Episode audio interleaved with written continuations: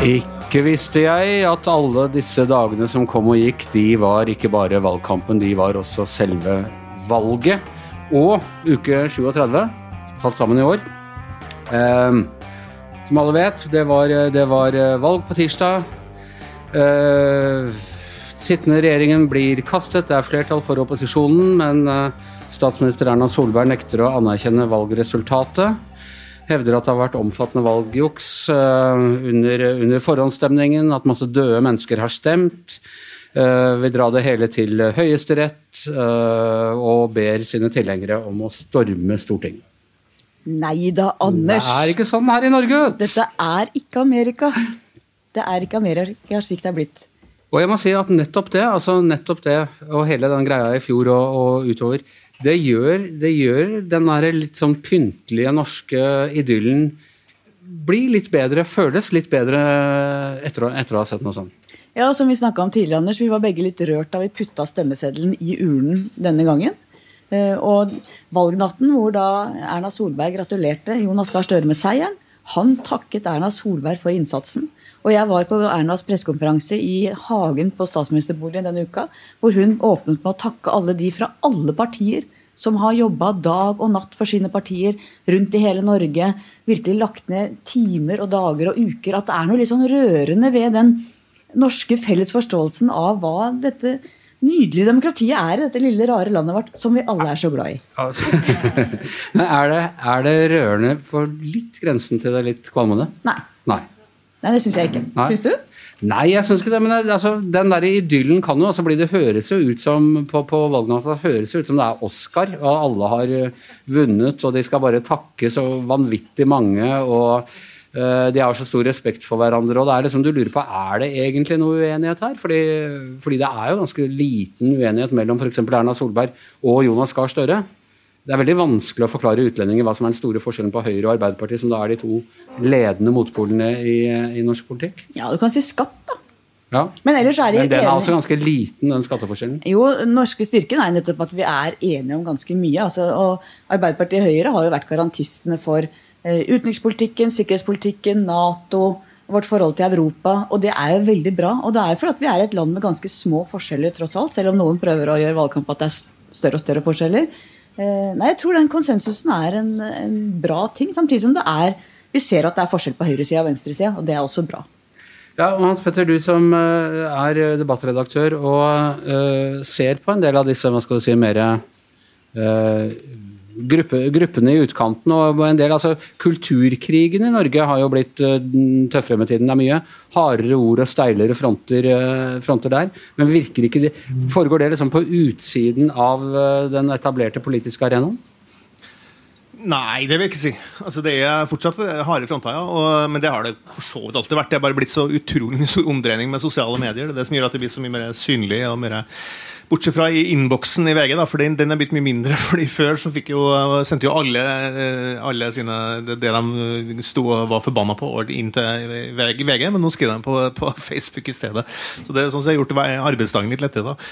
Nei da, men altså, jo, Du får jo et innslag av kulturkrig også i, eh, i valgkampen. Du ser jo f.eks. Eh, bare jeg skrev en kommentar om Miljøpartiet De Grønne i går. så bare Se på det kommentarfeltet under der. så er Det sånn, det er ikke noen tvil om at for mange så er på en måte Miljøpartiet De Grønne representerer da uh, den ene polen i den kulturkrigen. Og så, så, er det da alle de andre som står på andre sida, er da bare forbanna på alt det MDG sier. Og, og, så, så, så, du merka at når, jeg, når det partiet kom under sperregrensa, så var det en sånn enorm skadefryd eh, der ute. liksom at nå har eh, folk egentlig bevist at uh, den elitismen og den grünerløkkaismen som da styrer MDG, er er bare en sånn bitte lite sånn marginalt fenomen for de liksom livsfjerne. da. Så, så det, du får innslag av kulturkrigen også i den realpolitiske debatten i Norge. synes jeg. Ja, Astrid, oljen har på mange måter vært det mest eh, splittende denne valgkampen. Ikke innvandring, ikke bompenger, men, eh, men olja i seg sjøl. Selve, selve, det vi lever av. Jeg så jo det på slutten av valgkampen, i hvert fall. Eh, Frp kjente jo på det. MDG kjente jo på det, men kanskje vi hypa det litt, da. Fordi at det gikk jo ikke så bra med de partiene som vi trodde meningsmålingene som vi så på slutten. da. Um, så det var kanskje vi i media som bare hypa det. da. Det er det som jeg får i innboksen min nå, i hvert fall. I media. Men samtidig så var det en gavepakke til Frp, denne oljeskatten, som gjorde at de gjorde et ganske godt sprang oppover. og Det tror jeg var mye olje. At de var det eneste som eh, forsvarte veldig alt ved norsk oljeindustri, mer enn bransjen sjøl gjorde. De angrep norsk olje og gass for å ikke være nok for olje, rett og slett. Ja, tenk det er helt utrolig. Og det lykkes. Og det lyktes. Ja. Eh, vi skal diskutere litt forskjellige aspekter ved, ved valget og, og resultatet eh, av det. Eh, og mm, jeg tenkte aller først at vi skal se litt på Til tross for, for små konflikter Det er konflikter ikke bare i, mellom partiene, det er ganske store konflikter innad i de forskjellige eh, partiene også. Og for å begynne med en litt hva skal si, egentlig triviell konflikt som kan oppstå nå. Eh, I Fremskrittspartiet der har altså Carl I. Hagen, som i mange år har savnet seg selv i politikken, eh, nå fått fylt det savnet ved å komme inn som representant fra Oppland. Og han har eh, eh, han, i, sin tid var det han som pekte på eh, Siv Jensen. Så skar det seg mellom dem eh, etter at hun ble partileder. Og han har ikke vært så glad i henne, og hun har vel heller sikkert ikke vært så glad i han. Eh, og så har han vært veldig for Sylvi Listhaug. Og nå kommer han inn som eh, jeg vil ikke si sjuende, jeg vil si tolvte far i huset fra høsten. Og hvordan tror du det vil gå, Hanne? Vil de klare å bevare idyllen? Nei, jeg tror ikke det. Som du sa, altså Siv Jensen var jo hans kronprinsesse som han heia fram. Nå har han heia fram Sylvi Listhaug hele veien. Og det gikk ikke bra med Siv. Jeg tror ikke det går bra med Sylvi heller. For hun vil jo være nødt til å inngå noen kompromisser. Og, og Carl vil nok føle at han er den store faren som skal gi henne, om ikke beskjeder, så i hvert fall gode råd som hun bør følge. Det tror jeg ikke hun alltid kommer til å gjøre. Så jeg tror der også tror jeg det kan bli en ganske vond skjæring. Ellers så har jo Fremskrittspartiet en annen eh, utfordring. altså Petter N. Myhre, eh, veteran fra, fra Oslo, han var ute og kjefta på eh, Demokratene og flere av de andre eh, småpartiene til, til høyre, eh, høyre for Frp. Og de har hatt vind i seilene nå. altså Demokratene fikk 30 000 stemmer eh, eller noe sånt. Tidligere så har de vært såpass små at Frp har kunnet gjøre hva de vil, men nå er det blitt et alternativ til Høyre for dem. Hvordan tror du det vil påvirke partiet, håper jeg? Ja, men har det egentlig blitt det? Altså, så I Oslo så tror jeg hvor partilederen til Demokratene sitter, han Geir vet du, Ugland Jacobsen, som jo var leder i FRP, Oslo Frp, han fikk vel 0,68% av stemmene her i byen. Eh, Og det er jo bitte, bitte, bitte lite. Så jeg syns ikke at Demokraten har, eh, har eh, etablert seg på nasjonalt nivå. Og, og Vidar Kleppe, som jo har vært den store mannen på Sørlandet og fått inn og faktisk gitt Demokratene makt der nede, han kom heller ikke inn.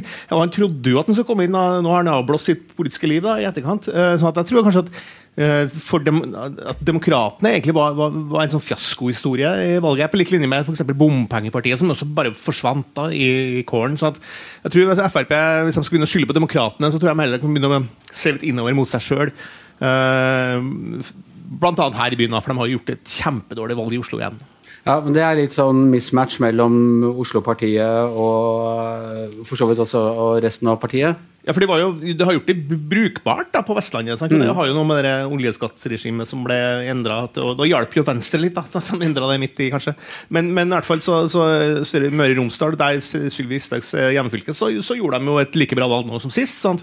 Så nå har du mer det derre der kyst-Frp, eh, litt sånn eh, nærings-Frp, som har tatt over. Mens da den der litt mer sånn innvandringskritiske eh, kulturkrigsdelen da, på en måte, av Frp er representert f.eks. i Oslo, da, er, er mye mindre. Så det også, kommer jo blir jo en del av den spenninga med Carl I. Hagen og, og Sylvi også, eh, hvor, hvor Carl I. Hagen legger seg i det der eh, skismaet der. da. Men det er, det er lenge siden Frp har gjort det godt i Oslo.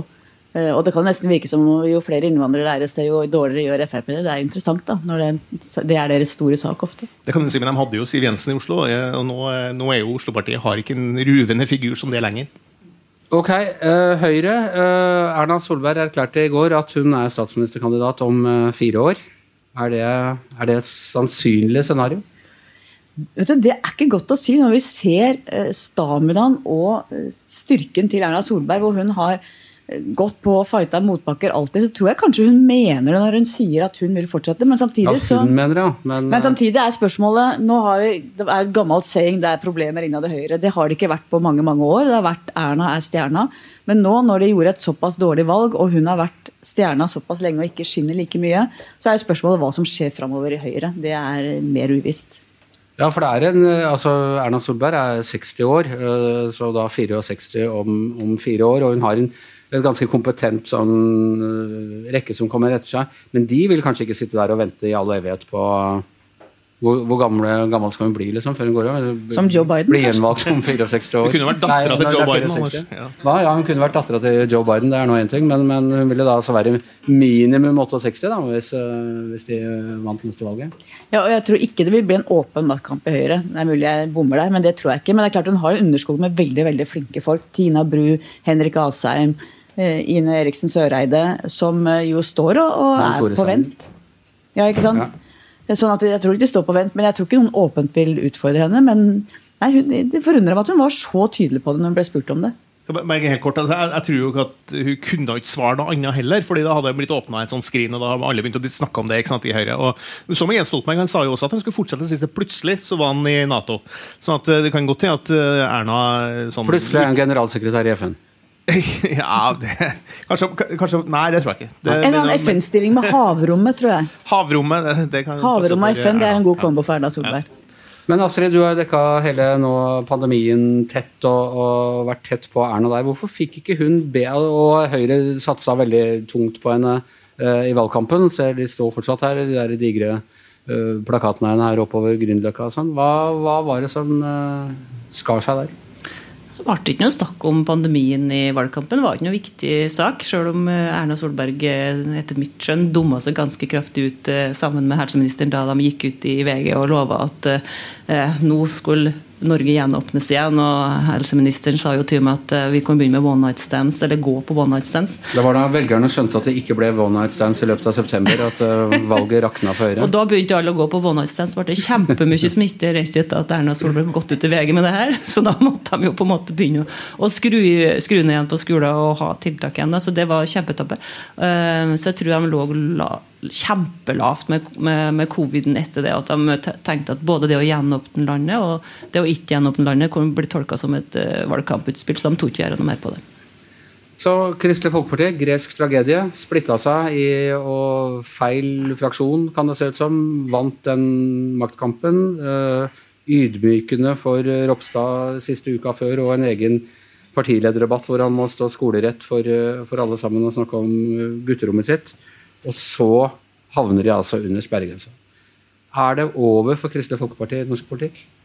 Jeg tror det kan være over. Det er jo selvfølgelig, Vi har jo dømt både SV og Venstre nord og ned mange ganger. Men det er klart, Frp, forskjellen er at Venstre har veldig mange troløse velgere som flyter litt hit og litt dit, mens KrF har hatt et grunnfjell som har blitt mindre og mindre. og mindre. Og jeg var blant dem som tenkte etter det veivalget at nå blir KrF et sånt vestlands-sørlandsparti, og kun der. Eh, Mens hvis man hadde valgt Hareide vei, så tror jeg det hadde hatt større mulighet til å bli et mer landsdekkende, bredere parti. Og det ser ut til at det slo til. Det er klart Dette er et kjempenederlag for eh, Ropstad og hans linje. Jeg så Vebjørn Selbekk, redaktør i, i Dagen, øh, var ute og refsa litt på samme måte som Petter N. Myhre refsa øh, Frp, eller de som hadde stemt på Demokratene. Øh, de som hadde stemt da både sentrum og, og de kristne, og mente at hvis man hadde holdt disse stemmene innenfor partiet, så hadde de kommet over sperregrensa. Ja, Det er jo ren matte. Da hadde de kommet over sperregrensa. Eh, Og når jeg ser en mann som Bjarte Ystebø, som er en av liksom, de virkelig konservative, kristenkonservative oppe i, på Vestlandet, gikk ut og oppfordra folk om å stemme KrF for at de sa at vi må ha et kristent parti på Stortinget. Selv om vi ikke liker KrF, så må vi ha det. Når selv han gikk ut, og det ikke hjalp, og partiet De kristne fortsatt fikk så mange, så er det klart at det var, det var nok spikeren, ja. Men det sentrum ble det ikke så mye av. Nei, men de fikk vel bare 0,6. Hadde, hadde de som stemte sentrum, stemt KrF, så hadde de også kommet over sperregrensa. Sånn at, men det var jo en vits hele veien, det partiet. Eh, ok. ok. Var det slemt sagt? uh, eh, jeg ble litt personlig krenka av det, men det var eh, Ja, du stemte sentrum, Anders. Det vet vi jo. Jeg var jo på, som jeg fortalte på denne podcasten flere ganger, jeg var på hele tiden på jakt etter et sånt litt politisk nøytralt parti. Det hadde du fått Og med da sentrum. tenkte jeg liksom sentrum var, eh, var det beste alternativet, alternativet der.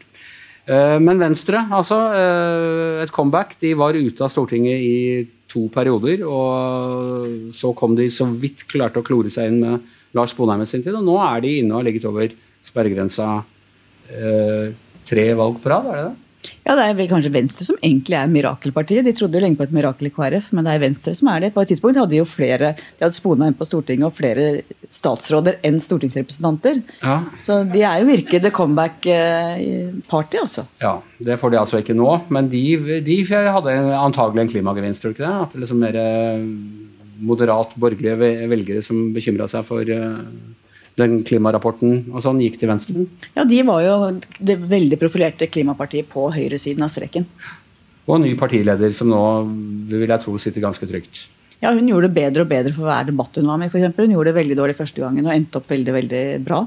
Hun har jo vært en tydelig og god kunnskapsminister, men eh, sleit jo litt en stund med å markere partiet sitt. Men eh, de vippa over den Men det er, det er jo noe helt spesielt med dette valgresultatet. Når vi sitter her og snakker om alt skismaen og problemene innad i alle partiene. Det eneste det ikke er noe skisma å prate om, det er Venstre. Eneste partiet med Det, borgerfred. det, må som er veldig rart, for at vi, vi så forskjellen mellom eh, folk som har forhåndsstemt og de som stemte på dagen. Så var det forskjell på alle partiene. Sant? Det var en slags utvikling gjennom valgkampen. Venstre var helt flatt. Ja. Eh, Det var det samme hele veien. og så har de Hva betyr det? Nei, det, det? vet jeg ikke, men det viser i hvert fall at Venstre er ganske, et, et, et, faktisk Venstre er blitt en slags stabilisator i norsk politikk, og det er jo helt utrolig. Men en annen ting er jo at eh, eh, de har fått inn André Skjelstad, som er stortingsrepresentant fra Nord-Trøndelag, der, jeg, jeg, jeg mine, trådde mine barnesko. Han er nå valgt inn på utjevningsmandat på Venstre med eh, å ha backing fra under 2% i det fylket. Eh, For tredje gang har han kommet inn eh, som på utjevning eh, uten egentlig å ha noe slags mandat rundt seg. Så eh, Venstre har, vært litt, eh, har fått god uttelling, da. Ja. Vi kunne tatt en egen runde på alt det der med utjevningsmandater. Å nei, vi orker ikke, Anders. er Men Det er er ikke rettferdig, det må jeg bare si. At det er liksom 4000 stemmer for en kandidat i Finnmark og 13 000 her i, i Oslo. Det er jo, det er jo skeivt. Det er kompensjon for å bo langt unna Oslo. bortfall av uh, Men det er jo litt artig da, Anders, at vi er liksom ansatt for å analysere hvorfor det gikk elendig med noen, og hvorfor det gikk så utrolig bra med andre. Så ser du på Rødt, som vi driver og analyserer nå, som gikk det kjempebra med. Ja. Og de fikk 4,7% av stemmene, og MDG var katastrofe! Og så fikk de altså 0,7% mindre. Så det er jo stang inn her, og så stang ut. Og denne uka har vært utrolig drama med MDG, og som begynte å nærme seg etter omtelling oppe i nord. Så begynte de å nærme seg sånn at eh, Jeg vet ikke, kanskje vi Kanskje vi ikke er så smart vi er, og analysene våre, for det er jo litt rann, eh, Men er det helt avgjort nå? Det er, det er ikke, de finner ikke en konvolutt med stemmer et eller annet sted som vipper dem Du kan jo ringe til Trump, han har sikkert noen tips. nå. Ja. Nei, men det er, det, er, det er avgjort. Det er ikke noe, noen sjanse for det. Nei, det er ikke noen sjanse. Uh, nei, vi, for vi kan jo godt uh, ta dem. Rødt har kommet inn. Jeg må si Det er jo en formidabel jobb av uh, Moxnes eh, å lede det partiet uh, fram til en sånn seier. Og ja, det er litt matematisk flaks, eh, eh, selvfølgelig, men, det, men de kommer altså inn på Stortinget med er det åtte eller ni mandater. Får masse ressurser eh, og penger, og kan virkelig, kan virkelig liksom eh, jeg vet ikke, Kan de sette sitt preg? De, de blir jo uten reell politisk innflytelse i og med at flertallet i og med at det ikke er på vippen, og, og flertallet utgjør seg SV, Senterpartiet og Arbeiderpartiet. De kommer til å rope høyt og mye, og det er de ganske flinke til. Eh, Jeg tror de som har mest å frykte fra Rødt, er kanskje faktisk Arbeiderpartiet og fagbevegelsen. Nå får de altså, som du sier, veldig, veldig mye penger i partistøtte for de gjør det så bra. De har en veldig høy partiskatt. altså Disse representantene må gi en ganske stor del av lønna si til partiet. Eh, De lønner angivelig rådgiverne sine dårligere enn mange andre. De en, kommer til å få en svær kasse med cash, og den kommer de til å bruke til å reise rundt i hele Norge. Og særlig i forhold til fagbevegelsen og LO, hvor de er, eh, ønsker å, om ikke utkonkurrere Arbeiderpartiet, i hvert fall styrke posisjonen deres der. Eh, Så det er en trussel både for Arbeiderpartiet og for LO. Hoppe, du som er vår mann på, på Rødt, og har doktorgrad i AKP-ML eller noe sånt. Ja, minst. Ja. hva er de store rivningene innad i det partiet? Det står jo mellom eh, den fløya du snakker om, eh, som, som tok makta i eh, 2012, var det vel, da han Moxnes tok over. Som er mer en sånn ung, eh, ja, Jobber vanlig, har en slags pragmatisk forhold til politikk. De vil oppnå ting eh, parlamentarisk, da, ja, altså via f.eks. Oslo bystyre eller på Stortinget nå. Men så har du da baklandet der, som, som er enten de gamle som kom fra AKP, som var et parti som ble danna for å opprette For, for å omgjøre Norge til å bli et slags Kina. Altså de, ville innføre diktatur i Norge. Altså det er der Rødt kommer fra. Men det er ikke så mange igjen av Nei, dem. men, men det, noen av dem er igjen fortsatt. Eller de mener Eh, ikke nødvendigvis det lenger. Nei, og de, og de gamle De som er igjen i Rødt, er jo, er jo blant de, de eldre som kanskje etter hvert skjønte hvor, hvor crazy AKP-opplegget var. da men, men du har noen unge også som er, sånn, eh, som er hardcore eh, sånn eh, kommunistteoretikere. da Så hvis, hvis Rødt nå ikke klarer å levere noen ting, og og det blir bare liksom ender opp i bare liksom, de, får ikke påvirkning, eller noen ting, så, så, så kommer det, vil det sikkert bli noe sånn krangel internt der også. Det har jo, vi kjenner jo alle hvordan det pleier å være på ytre venstre. Det er jo sånne People's Front of Judea og sånt, ikke sant, som står mot hverandre og roper. og Det er jo man er sin egen fiende internt. Men, men hvis, hvis nå Rødt klarer å være være er skal si, disiplinert, eh, eh, flink i media. Det er de jo. Bjørnar Moxnes er vel flink i media. Ja, det er kompetente folk han har fått med seg, altså. Ja da, og så har du liksom sånne klovnaktige, sånne artige, artige karer som han Mimir Kristiansson og sånn. Så de, de vil jo få oppmerksomhet, da. Jeg vil sikkert være med på Farmen og en gang til. Eh, Eller eh, Love Island, eller hva det er for noe. Et eller annet sånt vil sikkert være med der. Eh, Så, så de vil sikkert eh, markere seg. Og, så jeg tror at eh, hvis de klarer å, måte, å disiplinere seg og være et skikkelig ordentlig parti og, og være synlig, så tror jeg faktisk at Rødt har potensial til å vokse, eh, vokse enda mer. fordi de, som Johanne sier, de har støtte, de har jobba intenst og systematisk innad i fagbevegelsen. Og, og innafor de velgergruppene der så, så er Rødt nå blitt et alternativ til Arbeiderpartiet, og det var de ikke før. Husk på, De har fortsatt et program sitt kommunisme, revolusjon. De vil eh, forkaste kapitalismen. Ja, hvis du kan tenke deg, hvis de virkelig, Jeg tror ikke alle de som har stemt på dem, skjønner hva som vil være konsekvensene dersom de skulle fått flertall i Norge. Kan du se, den puben her, er puben her er de Norge. den, den puben her, eller det, det fantastiske stedet vi er på nå, det ville jo selvfølgelig vært underlagt uh, Næringsdepartementet, altså hvis Rødt har fått makta. Nei, men det er ikke lov med Det er åpent for småbedrifter og, og sånne ting i den, uh, i den nye marxismen. Dette er jo dette er dette Karl Marx mente med kommunisme, står det i det programmet. Og Karl Marx han beskrev jo egentlig ikke det kommunistiske samfunnet. Han mente det ville komme automatisk av seg sjøl. Ja, så det ikke Alle motsetningene ble oppheva. Til slutt så ville det bare bli et slags nirvana. da. ikke sant, så han hadde ikke noe sånn, Det fantes ikke noe egentlig gameplan for hvordan det skulle være. Alle de som har prøvd å innføre kommunisme, har jo misforstått Marx. sånn at det er, det er Rødt som egentlig har den sanne forståelsen og vil gjøre det på en helt annen måte enn det andre Det kommunistiske er den regimer har menneskelige gjort. natur det er noe galt med, Hanne. Det er ikke Karl Marx. Som, Men får man permisjon fra Stortinget for å bli med på Paradise Island? det veit jeg ikke. Det vet jeg ikke. Det er mulig du må gjøre det på, på fritida. Jeg må si jeg så Mimir Kristiansson på Farmen, og det var faktisk litt sjarmerende. Ja, jeg tror han, la, tror han henta mange, mange stemmer der. Ja. Han har forbi for høner, blant annet. Det Per var Sandberg også var litt sjarmerende på Farmen. da. ja, han var jo også ja, eh, Hvilket parti er det? Liberalistene? Liberalistene. Ja, det er også der på stilte her i Oslo. Ok, men da er, det, da er vi framme ved de som da kanskje skal danne regjering, og Arbeiderpartiet først. Det dårligste valgresultat siden 24, var det det? Dårligere enn forrige gang. Og man skulle tro at Jonas Gahr Støre hadde vunnet ved et valgskred når du ser de bildene og de forsidene og den, og den måten han selv, eh, selv taklet det på. Ja, jeg var på Arbeiderpartiets valgvake, og det var jubel for et katastroferesultat. Og er det, men er det øhm, Er det fair øh, nok, liksom? At, han, at det jubles på den måten, eller er det øh, Er det total liksom, virkelighetsfornektelse? Husk på at det, på enkelte målinger i januar i år så lå de nede på 17% som var helt, Da var det bare natta. Men nå minner meg, nå minner meg om NKP i 1985. så husker Jeg han satt på valgnatta, han der som jeg husker ikke hvem var leder for NKP. Så sa, og Da hadde de fått 0,3% og sa de, nå kan dere ikke bli mindre. Jo da, vi kan bli mye mindre. Men det viktigste for Arbeiderpartiet i dette valget var at Jonas Gahr Støre skulle bli statsminister, og at de skulle få lede en regjering med et rød-grønt flertall. Og akkurat det fikk de. Og da tror jeg, når jeg snakka med folk på valgvaken nå, så var de ikke så opptatt av hvordan prosent. De var veldig opptatt av hvor de andre partiene lå, og om det skulle bli et rød-grønt flertall. Og at Arbeiderpartiet skulle bli størst, absolutt størst, og det ble de. Så de nådde de målene, og da var det full jubel for et veldig, veldig dårlig resultat isolert sett. Og det er, eh, det er jeg mener, ganske imponerende. Det virker som det er ganske ro innad i det partiet nå. Ja, nå stiller alle seg bak eh, Jonas og prosjektet, og de som måtte være uenige, holder klokelig kjeft. Og hva er de største potensielle konfliktlinjene der nå? Ja, det som er interessant, er at på, altså, motsetningene innad i det rød-grønne prosjektet går egentlig midt i Arbeiderpartiet. Det handler om sant, olje versus klima, eh, innvandring, integrering, eh, ulv, rovdyr. Sånn at eh, Arbeiderpartiet blir på en måte både brua og det store splittelsen internt, internt i det rød-grønne prosjektet. Ja. Og La oss da ta SV først. Eh, De betalte ganske dyrt for regjeringsdeltakelse forrige gang. og vi husker den, Særlig de første tida så var det sånne SV-ere som sto utafor og demonstrerte mot regjeringens politikk eh, på plenen utafor Stortinget.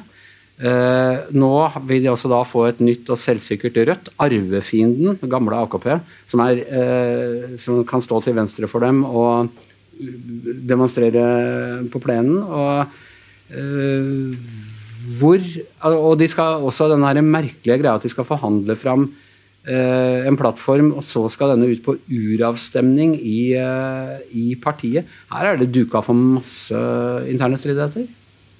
Ja, nå er vel kanskje Hans Petter den som kan SV aller best. Bare si først at eh, Arbeiderpartiet gjorde et dårligere valg i 2001 enn i år. Altså, så det er ikke helt siden 1924. Nei, ja, det er som jeg sier, de kan bli mye mindre. Ja, de kan det. De kan det. Eh, nei, altså, eh, SV er jo, er jo oppsiktsvekkende harmonisk. Altså, opp- jeg har jobba mye med SV opp gjennom tida, og det har alltid vært krig der inne eh, mellom forskjellige fløyer. For eksempel Audun Lysbakken mot Bård Vegar Solhjell. Det var to uforsonlige posisjoner. Eh, nå virker det jo helt eh, bare fred og fordragelighet. Noen, noen så små sånne greier har vært oppe i Nord-Norge, oppe i Finnmark har vært noen sånn krangel, men ellers så har det virket politisk at de er helt samla. Og de er eh, Jeg synes også Vi så på bildet i dag når eh, Audun Lysbakken kom opp til Jonas Gahr Støre, så var det sånn voldsomt nesten sånn omfavning. Det var sånn, sånn eh, to stykker som virkelig har bestemt seg for å, for å gjøre det her sammen. Men jeg tror at jeg er ennå ganske sikker på at det blir en trepartiregjering. Ganske, ganske trygg på det, men ikke helt sikker. Og jeg er ikke helt sikker på om SV-erne nå heller. Hvis, eh, tenk, de er redd for Rødt, de er redd for eh, flanken sin, som det heter. ikke sant? Og de, eh, de kan også trives på en måte som en slags opposisjonsparti. Støttepartiet skråstrek opposisjonsparti til en Ap-regjering også. Eh, jeg tror SV er ikke så stressa på det her som de var forrige gang. og Det er en helt annen skulle vi si, sånn ro i, i rekkene. da. Jeg syns det virka som de har veldig lyst til å kjøre statsrådbil. Altså. Og samtidig må vi huske at, at eh, det blir vanskelig for SV hvis de skal stå utenfor sammen med Rødt og konkurrere om å rope høyt. Det de kan levere til sine velgere som er annerledes enn Rødt, er nettopp å være innenfor og ta ansvar og ha makt. Men da må de til gjengjeld få noen seire som de virkelig kan vise velgerne sine. Og de seirene er noe som antagelig Senterpartiet vil synes er helt forferdelig, som de ikke vil gi. Så det er en del innebygde konflikter her som blir veldig veldig vanskelig å forene. Og så så vi jo eh, KrF og Venstre støtta Erna Solberg-regjeringa i 2013, så fikk de jo skylda for alt som var galt likevel. Det kan jo skje med SV òg. Hvis de går med på en budsjettavtale og blir altså utafor regjeringa, så får de skylda for eh, at de har åpna nye oljefelt i Barentshavet osv. Så, videre. så det kan Så da kan vi i det minste få kjøre statsrådbil noen år. Ja, Det er bedre at du får skyss, i hvert fall. Eh, det er jo, ja. Eh, For det er ingen i SV som har egen bil, det vet vi jo. Ja, sånne sykler med sånne svære bokseformer, foran hvor du kan ha barna og maten og plankene. Bare regnes, det, regnes det som kollektivt hvis du kjører statsrådbil, eller er det privatbil? Det er i hvert fall to i Jeg kjøper klimakvoter for det. Men de har jo også en del de har, Det er jo noen skismaer som går midt gjennom SV òg. Altså, du har en uh, internasjonalt orientert uh, som er i- sikkert i skapet på akkurat det der med EU, men jeg vet om et par SV-ere som, som er for EU, og i hvert fall for EØS, og til og med noen som ikke er så negative til Nato som, eh, som de var tilbake. Og så har du andre som er Nei til Nato, nei til EØS, nei til EU, nei til havvind, nei til landvind, nei til olje, nei til atomkraftverk. Du har liksom en denne her, hva skal du kalle det, museumsvokterlinja der også, som kan være litt tung å dra på. Absolutt, og så har du konflikten naturvern versus klima. ikke sant? Hvor du skal, skal du ha vindmøller, skal du ikke ha vindmøller? Og så tror jeg, jeg tror dessverre at det er veldig veldig få som er selv i skapet på ja til EU og den type ting. Det ligger, det er, nei til EU og nei til Nato ligger jo der, men de mener ikke ordentlig. altså De, De ikke, mener ikke i hjertet sitt. Nei, de mener ikke hjertet sitt. De vil ikke sette noe på spissen. De skjønner at der må Arbeiderpartiet ha full styring når det gjelder de tingene der. Men det de virkelig mener av hjertet sitt, som er problematisk, er jo det her med å bygge flere vindmøller og lage mer fornybar kraft. Det er det ganske mange som vil i SV, mens det er andre som ikke vil det. Og det er kjempevanskelig for Miljøpartiet, som skal kutte CO2 framover, og så bygge kabler til utlandet, og så vil halvparten vil ikke det. Så det kommer til å bli en av de eh, store skismannene der. Men, men bare for å si en ting til med SV er jo at Det som har skjedd med Arbeiderpartiet, er at de har jo tross de, altså de har gått til venstre. De har eh, blitt mer et interesseparti. De, de, de definerer som at vi er til for uh, for uh, det, vanlige folk. altså Det er ikke lenger alle skal med. er ikke med lenger. Arbeiderpartiet har snevra seg inn da, og mer, blitt mer sånn venstreorientert. Og Derfor så må da for SV del, og for, også for Ap-velgerne, uh, denne regjeringa levere noe helt annet på for, for fordeling og, og eh, altså hvis, vi, hvis det viser seg nå at eh, forskjellene mellom fattig og rik øker nå også, da vil regjeringa få kjempeproblem med retorikken sin. og Da, da vet vi jo hvem som kommer og casher inn på det, og det er de som sitter på Stortinget og som alltid har litt mer jeg er alltid litt mer radikal da, enn de andre. Men Det er i hvert fall noe som de tre partiene som sikkert skal forhandle, om, forhandle snart om regjeringssamarbeid, de er jo virker ganske enige om det. da, De snakka om ulikhet, Senterpartiet òg. Det er Senterpartiet. Det er da, må vi si, er den store vinneren uh, i dette valget. Altså både, både rent uh, i tall, at de har, ikke vært så store siden 30-tallet, og, og, at det tross alt gikk mye bedre på slutten enn det det kunne. De fikk en oppsving på slutten, selv om de da ikke er så store som de var på noen meningsmålinger for et, for et år siden. samtidig vi hører altså at, eh, at, han Per Olav Lundteigen, som vi her i podkasten tidligere har utropt til å bli reverseringsminister i denne regjeringen, at han skal da reversere utviklingen tilbake til sånn ca. 1965. Men, eh, men, som er en, en, eh, mye av en premissleverandør i, i det partiet, og, og en smarting. Og, og, han starter altså med å si at det de første de må ha øh, ha gjennom i regjeringsforhandlingene, det er å oppløse Viken. Men nå vil nok jeg si at han ikke er en premissleverandør i Senterpartiet. Jeg vil si at han er mer en veldig interessant eh, eh intellektuell outsider. Jeg tror, ikke, jeg tror, ikke, han Dette har vi diskutert før, Anders, men ja, jeg, tror ikke han, på, ja. jeg tror ikke han uh, taler på vegne av Senterpartiet når han går så bastant ut. Nei, men han, setter, han, legger jo en standard. Han er den første, han er en kjent partimann. Han legger liksom lista der eh, i, eh, i, utgangspunktet. Og det virker liksom litt corny. Og jeg, jeg er helt enig i at Viken er et Frankenstein-fylke som, eh, som, man godt kunne sy sammen på en litt annen måte. Men, men eh, i forhold til de forventningene man nå har til hva Senterpartiet skal gjøre, så er det veldig rart at de signaliserer å, å skulle bruke mye politisk kapital på dette her. Det er det har lova i valgkampen. og jeg synes Erna Solberg der var god. Eh, da hun tok Senterpartiet for det viktigste dere skal ha gjennom etter valget, det viktigste det sitter aller høyest, det å få oppløst en eller annen region. Altså Det er jo antageligvis ikke det viktigste. Men de har jo virkelig stått på og lova det. Da, og Arbeiderpartiet er jo med på det her. De har jo delvis gått med på det. Jonas Gahr Støre sier at ja, hvis det er slik at lokaldemokratiet i de her regionene, eh, Viken og Finnmark, eh, Troms, da, vil det, så kan de gjøre det.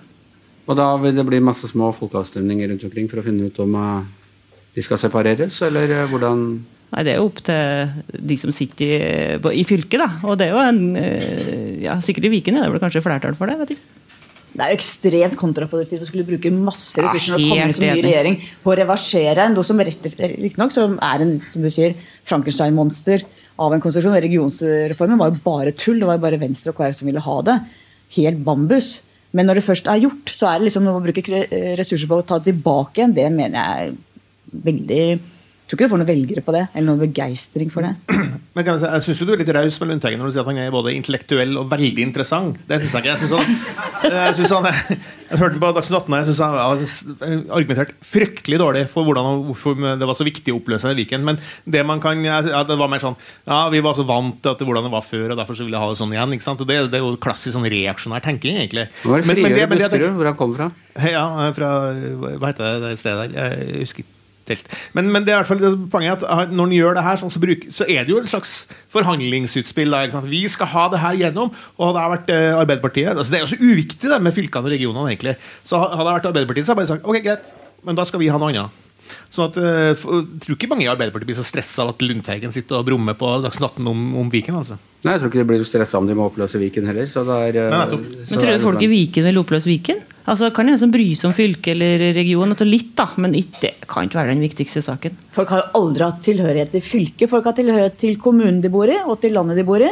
Men fylket de hemmeligste politikerne i Norge er fylkespolitikerne. De best betalte og de hemmeligste. Ingen kan si navnet på mer enn kanskje Kanskje fylkesordføreren og kanskje to til, maks. Fylkesordføreren i Viken, er det noen som, kan, er noen som vet hvem det er? Nei.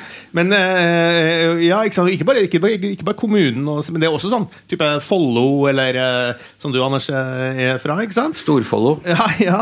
Og, eller Innherred, sånn det der jeg kommer fra. Eller Nordmøre. sånne ting. sant? Det, det, sånne ting er jo mye mer viktigere enn det der, der, der, liksom, regionene eller fylkene som, som, på en måte har vært der, da, som, som egentlig også kom til ved en slags sånn som, ikke, ikke er hugga i stein. i hvert fall? Det, det, det, så jeg synes det er litt sånn det, er litt sånn tregt å gå ut og liksom Vi vil tilbake til hvordan det var før. Det, sånn er liksom ikke norsk Men det er det jo mange som vil. Eh, og det har jo alltid vært en sterk politisk kraft eh, å love at vi skal gå tilbake til Make America Great Again.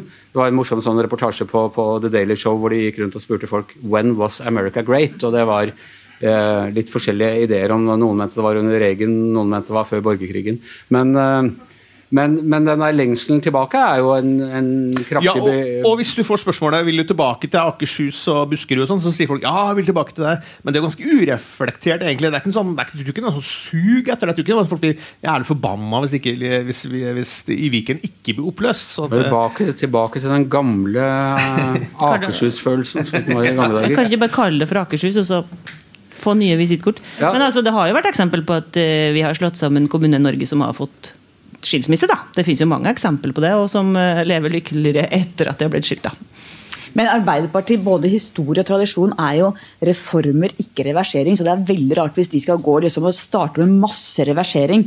De har alltid gjort de nødvendige reformene for å effektivisere, for å skape et veldrevet samfunn, for å på en måte vedlikeholde eh, velferdsstaten. Så hvis de nå går inn på reversering, så er det veldig annerledes enn det Arbeiderpartiet som Men det er vel ting som kan reverseres òg? Politireformen? Du er ikke så glad i politireformen du, Hanne? Den såkalte nærpolitireformen. Jo, jeg syns, vet du hva? jeg syns faktisk at den har veldig mye godt ved seg, men den er blitt veldig Ræva navn, selvfølgelig. Nærpolitireformen, det er ikke det der. Men jeg tror det var helt nødvendig å gjøre det. Men ingen har klart å, å begrunne det ordentlig, argumentere det for det på en måte som gjør at det får på en måte gjenklang i folket. Da. Og Nå skal vi tilbake til det da lensmannskontorene skal ha fem ansatte på, på alle lensmannskontor i Norge. Så da kan du bare spille lage en ny versjon av den svenske filmen 'Kops'. Ja, men, men, det var jo siste, siste Senterpartiet slang i, på bordet liksom rett før uh, omtrent på valgdagen.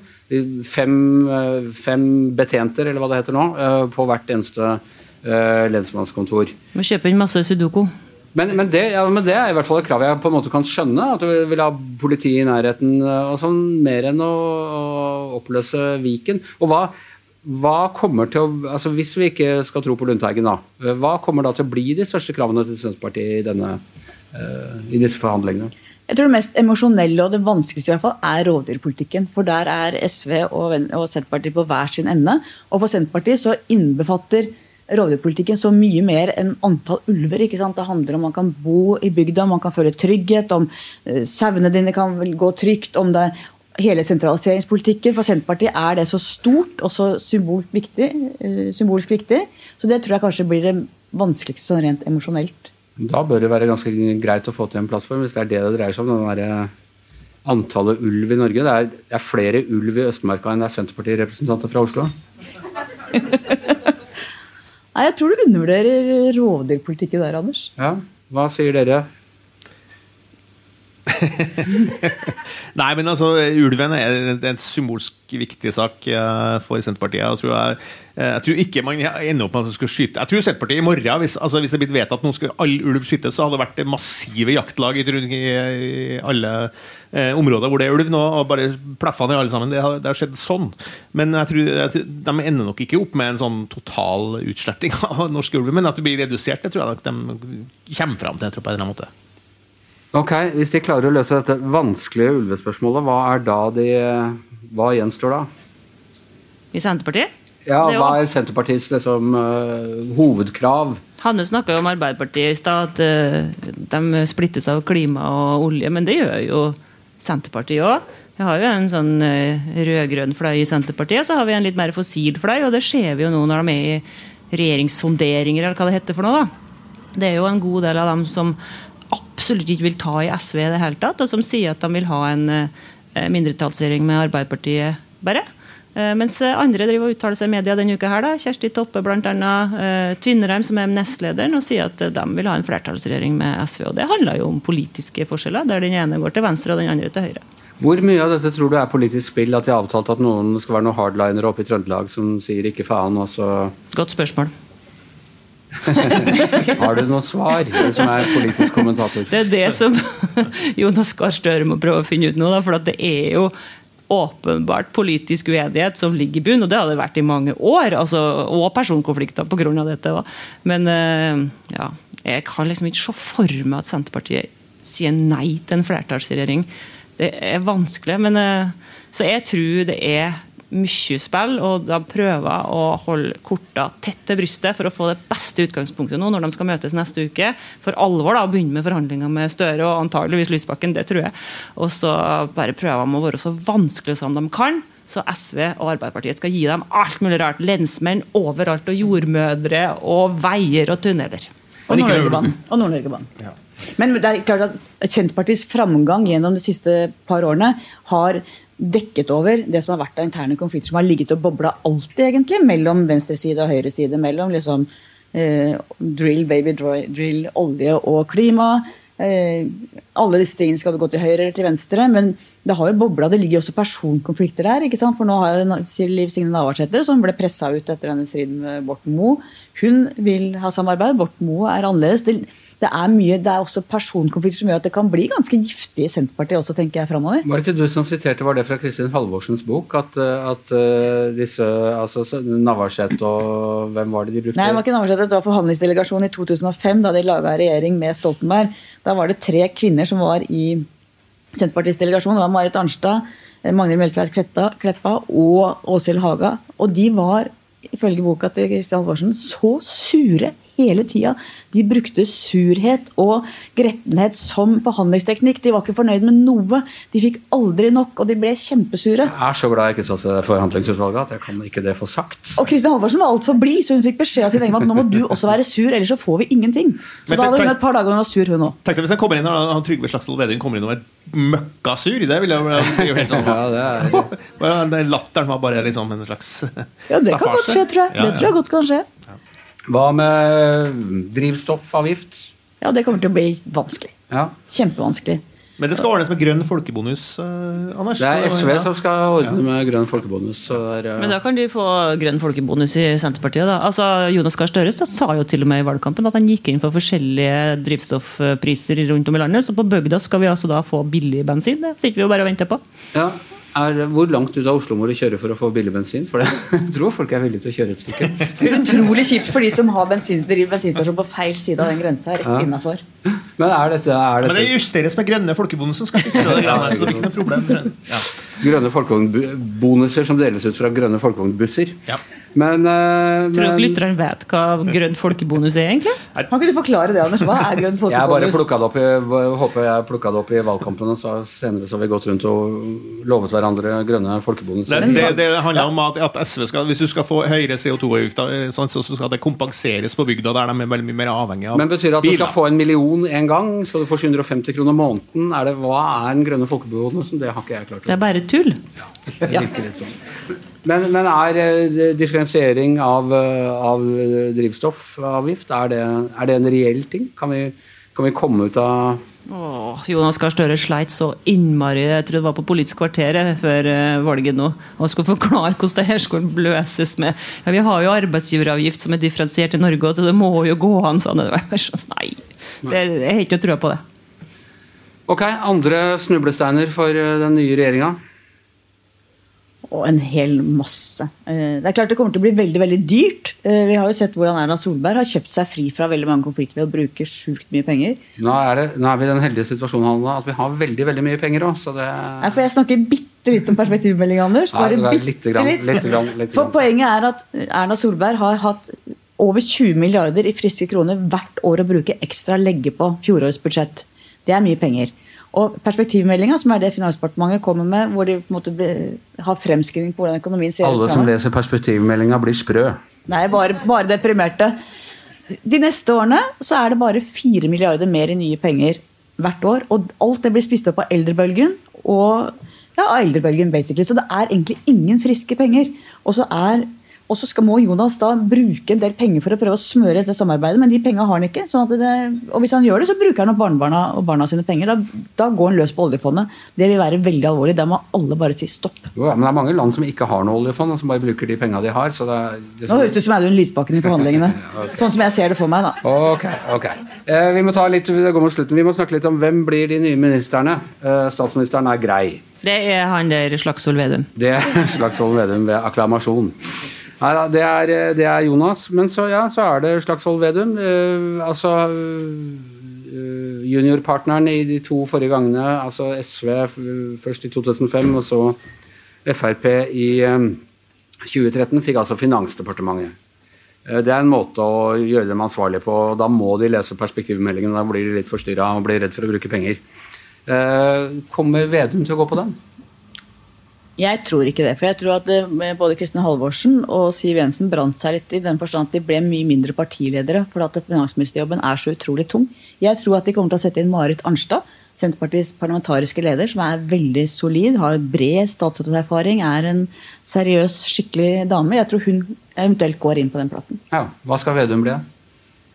Kanskje kommunalminister, kanskje Han skal i hvert fall ha en post hvor han kan skinne. Ja, Skinner man som kommunalminister? Nei, blir, hvis, hvis, hvis de følger min, liksom, eh, mine råd på dette med perspektivmeldinga, sånn, så bør det være lite penger der. Men eh, Jeg tror det er et begrenset publikum å skinne for hvis du blir mm, kommunalminister. Men han kan jo, altså, en kan jo oppløse Viken, da. det blir jo supert, supertopp.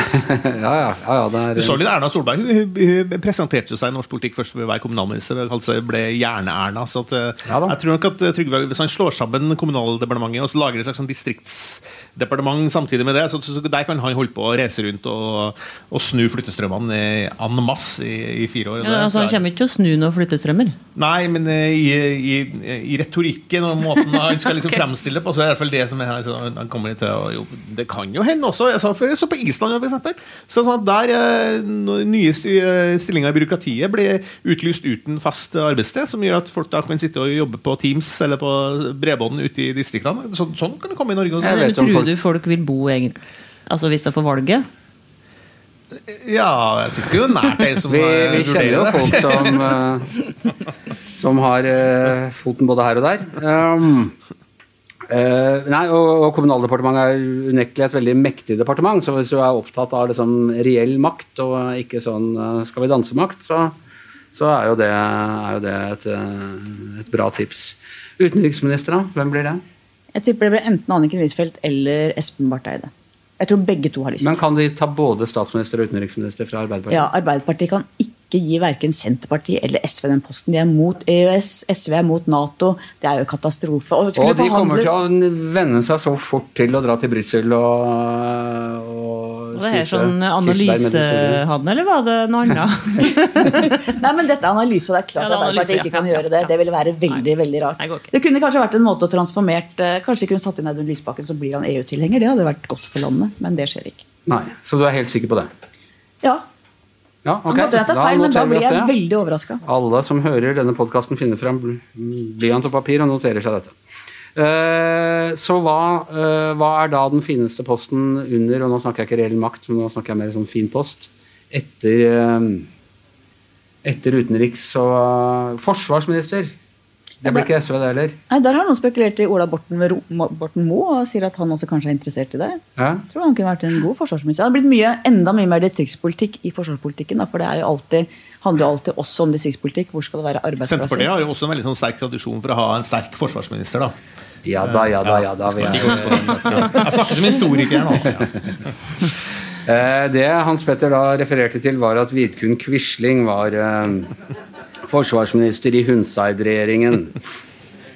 Eh, og satte inn, eh, satte inn Forsvaret mot Ja, det, var streikene. en, det var en liten spøk. Ja, Understrek det. Jeg tror det kommer til å gå dårlig hjem hos Rødt, i hvert fall hvis han skulle sette inn, eh, sette inn Forsvaret mot streikene.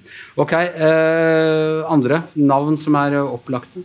Altså, arbeidsminister er jo den posten som har mest penger. Da. Absolutt mest penger i hele statsbudsjettet. Kanskje det blir Hadia Tajik, da.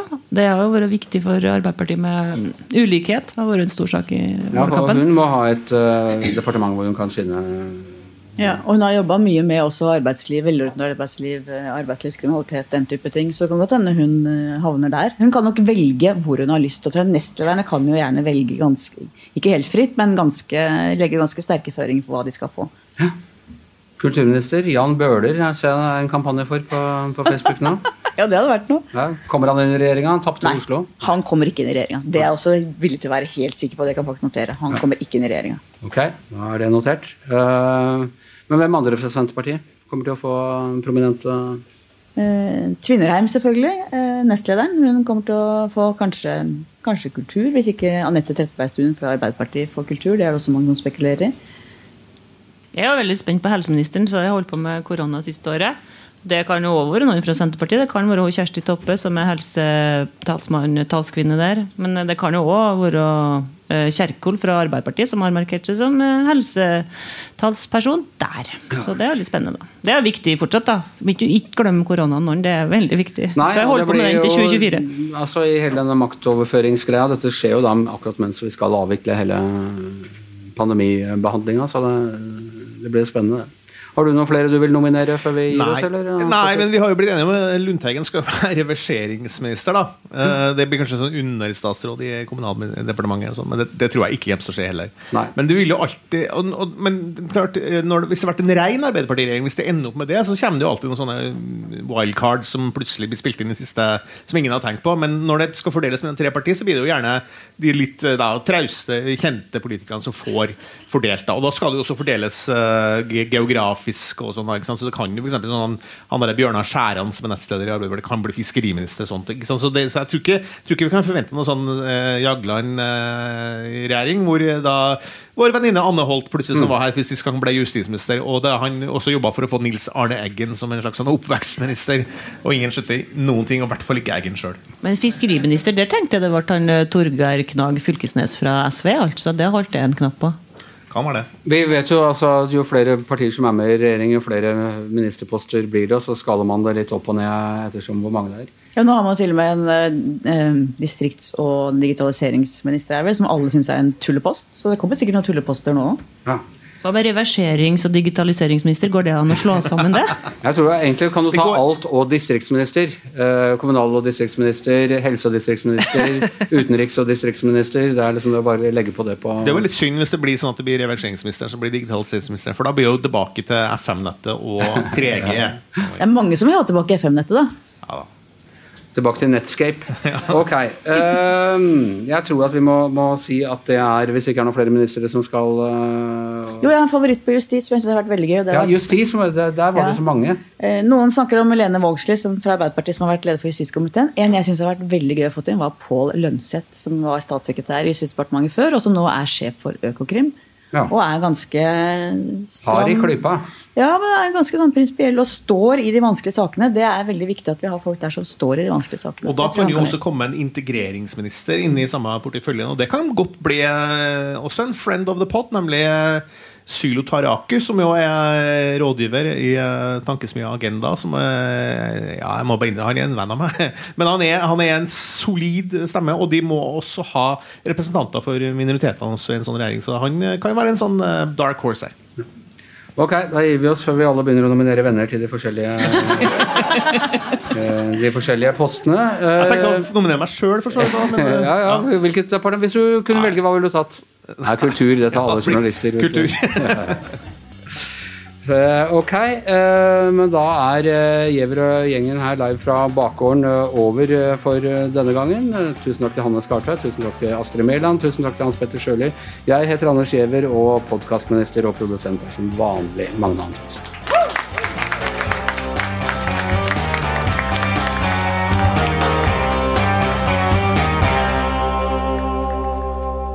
Du har hørt en podkast fra VG.